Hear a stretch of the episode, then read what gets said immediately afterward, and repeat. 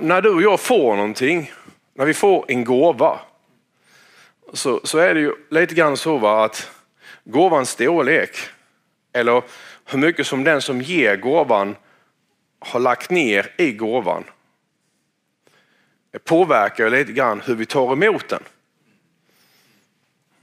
Mm. Är, är det så att du får någonting som den personen inte längre vill ha, så känner du inte sådär jättestor tacksamhet. Men är det så att du får någonting och du vet att han eller hon då, de har verkligen du vet, lagt ner väldigt, väldigt mycket för att kunna ge det här till mig. Och jag får det gratis, jag får det fritt. Det är klart att du respekterar den gåvan då, eller hur? Men samma sak är det med Gud. Och ibland så är det, är det väldigt lätt till att vi tänker så här att, att bara för att det är gratis, man säger så här, det är gratis, det kostar ingenting. Det finns ingenting som inte kostar någonting. Kan du säga det till din granne? Det finns inget som inte kostar någonting. Ja, så bara för att det är gratis för dig. Kom igen nu. Bara för att det är gratis för dig så var det inte gratis för den som gav det till dig. Jag har fått massor med presenter under hela mitt liv då. Ja, och det var ju gratis. Och några de vill ha stor tacksamhet tillbaka och andra vill inte ha någonting tillbaka och andra vill ha en tjänst tillbaka vilket innebär att det egentligen inte var en gåva. Okay? Men, men ibland så får man någonting och då så ser man att han eller hon de har verkligen lagt ner hela sitt hjärta. Och då, då tänker man, ah, vill de verkligen ge det till mig? Då blir jag ju fylld av tacksamhet. Och när det gäller nåden då så är nåden gratis. Men den var ju inte gratis för Gud. Eller hur? Alltså nåden var ju inte gratis för Gud. Nåden var gratis för dig och mig men den var inte gratis. Det kostade ju Gud någonting för att ge dig nåden. Lyssna nu på mig. När det då står skrivet att, att du är huvud och inte svans. Mm -hmm. Det kostade någonting för att du skulle bli huvud. När Gud han säger att du är över och inte under. Ja, för att han skulle kunna göra dig till huvud och inte svans. För att han ska kunna sätta dig över och inte under. Så kommer det med ett pris. Det är gratis för dig, men det var inte gratis för Gud. Har, har, du tänkt på det på det sättet?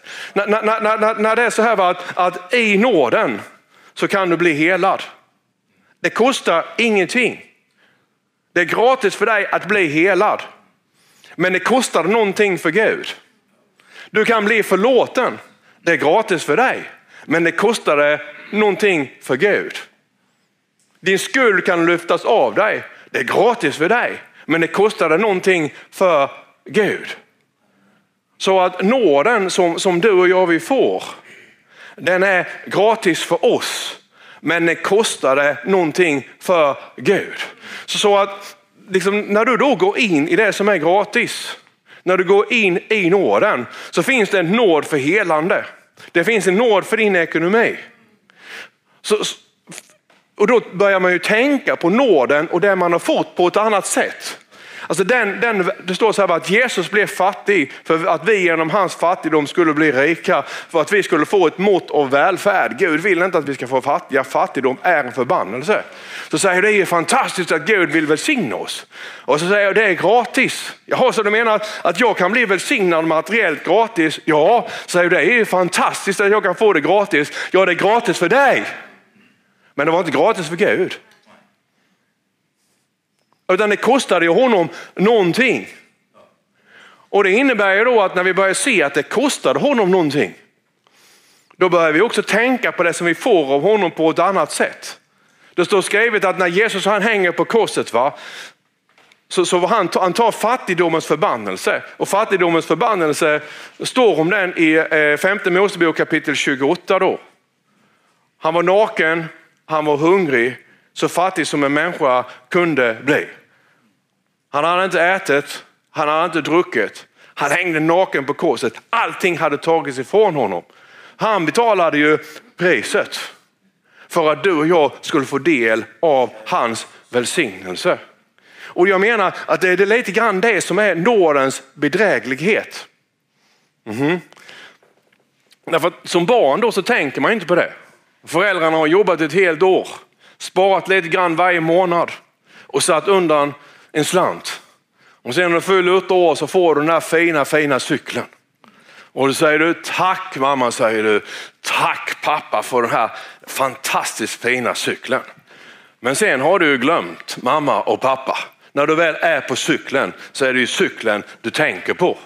Det är ingen som tänker sen den lille killen eller tjejen som cyklar iväg att oj att jag fått den här cykeln, vad det måste ha kostat mamma och pappa mycket. Utan de, de bara på något sätt, man tar ju det för givet, eller hur? Eh, jag var ju likadan höll det på att säga. Ja, det var ju va? länge. Jag vet när jag var 18 år så jag behövde byta motorcykel. Jag funderade liksom hela tiden på hur jag skulle få pengar till att byta motorcykel. Och då visste jag att morsan och farsan då, de hade sparat en slant. Jag tyckte att jag behövde de pengarna mer än dem. Och ja, morsan var på det sättet att hon var lite upp och ner men när hon var på riktigt bra humör så, så satt vi i köket hon och jag och rökade och drack kaffe och spelade kort. Och, och, när jag fick henne med mig då så kunde jag övertala henne till vissa saker. Det gick inte med farsan, farsan var snäll på ett annat sätt. Och, och då var det så att man lånade av mina föräldrar så var det faktiskt som att låna av Gud lite grann. Jag lånade då för att jag betalade aldrig tillbaka. Sådär, va? Och, och, och, jag fick alltså henne att plocka ut hela det här sparkapitalet så jag kunde köpa en motorcykel. Och det var ju inte så att jag, jag tänkte så här att det är synd om mina föräldrar. Eller jag tänkte att pappa kanske vill ha det till en annan bil. Det fanns ju överhuvudtaget inte i mina tankar. Utan jag tyckte ju att de skulle lägga allt de hade på mig.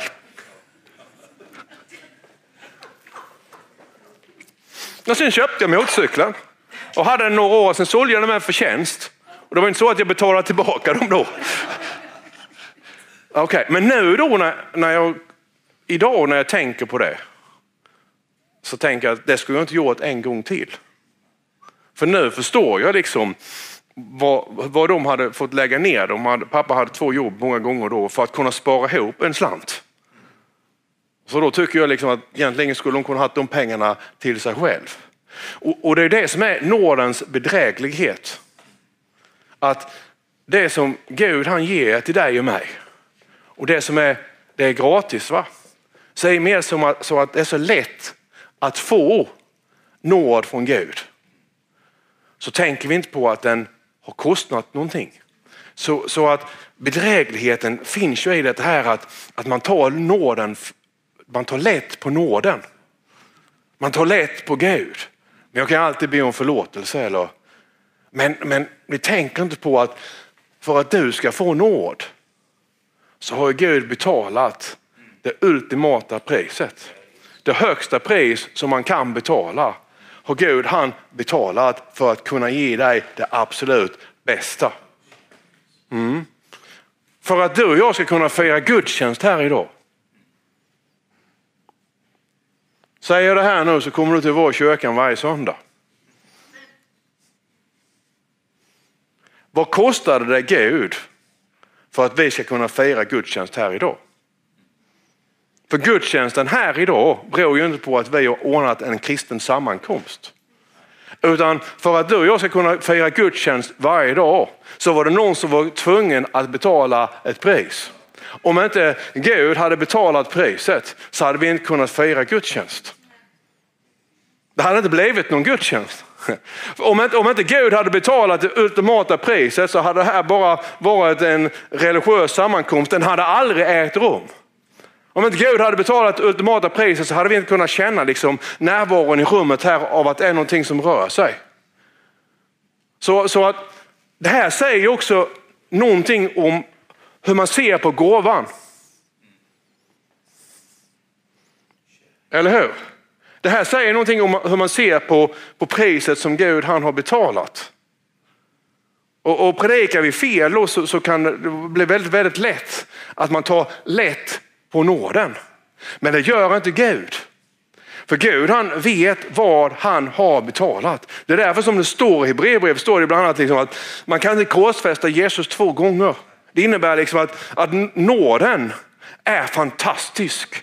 Nåden är frikännande. Och, och, och, det är inte det här med att du och jag gör fel och misstag. Det är inte det som, som Gud han reagerar på. Men Gud han reagerar på när vi tar lätt på nåden. Han reagerar inte på när du gör världens största blunder. När du är liksom riktigt, riktigt, riktigt dum därför att du går i köttet. Det täcker nåden. Han har täckt dina och mina tillkortakommande. Men när vi liksom inte ser det stora i alltihop det här. Hur vi kan få förlåtelse. Och, och när, när, vi liksom inte, tacksamheten växer fram. Så vi förstår Guds storhet. Då händer saker och ting i den andliga dimensionen. Och, och det är som, som när man läser då Nya Testamentet. Jag, jag läste här veckan och Jesus han säger att den som vill följa mig, säger Jesus, måste förneka sig själv. Då blir det ett styng i hjärtat. Därför att man är inne i nåden och, och tacksamheten kommer fram när man säger till Gud, Alltså, säg till mig helige ande vad jag ska göra varje dag så jag kan följa dig. För jag vill verkligen följa dig. N när jag nu ser att nåden den är gratis. Alltså, det kostade någonting att välsigna mig materiellt. Det kostade Gud någonting att, att sjukdomar som kanske hade drabbat mig, de har inte drabbat mig därför att nåden har varit över mitt liv. Jag ser att det kostade Gud någonting att lyfta bort skuld och skam ifrån mitt liv. Det kostade Gud någonting så att jag fick komma in i gränser för jag var ju omöjlig att styra. Det kostade han någonting. Och när man ser att det kostade han någonting, det kostade han hans liv. Då säger man till Gud, jag vill leva mitt liv för dig. Eller hur? Alltså jag vill leva mitt liv för dig Gud. Och då, då, när man kommer in i alltihop det så säger man, men inte bara det, utan jag vill att den här nåden, den ska komma till så många andra människor som möjligt. Att vi går in i det här som är nåd. Halleluja. Vi tar det som är du nu. Om du har skuld i ditt liv, om du har skam i ditt liv, om du känner dig dömd, fördömd Om du har förkastelse, om du är sjuk, om inte ekonomin fungerar.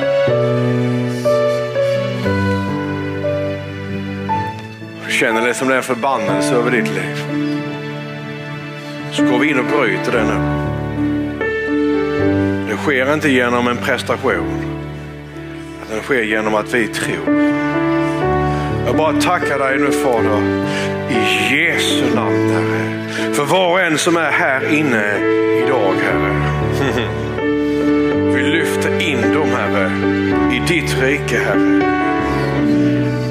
Inför din nådatron just nu Herre. Jag tackar dig Fader i Jesu namn för att du har burit den dåliga ekonomin Herre. För att du ska kunna ge oss upprättelse Herre. Vi tackar dig Herre för att du har burit våra sjukdomar. För att vi ska kunna bli helade Herre. Vi tackar dig Herre för att du har tagit allt vårt onda och orsaken till det. Vi tackar dig Fader Jesu namn för priset som du betalade och att det är gratis för oss.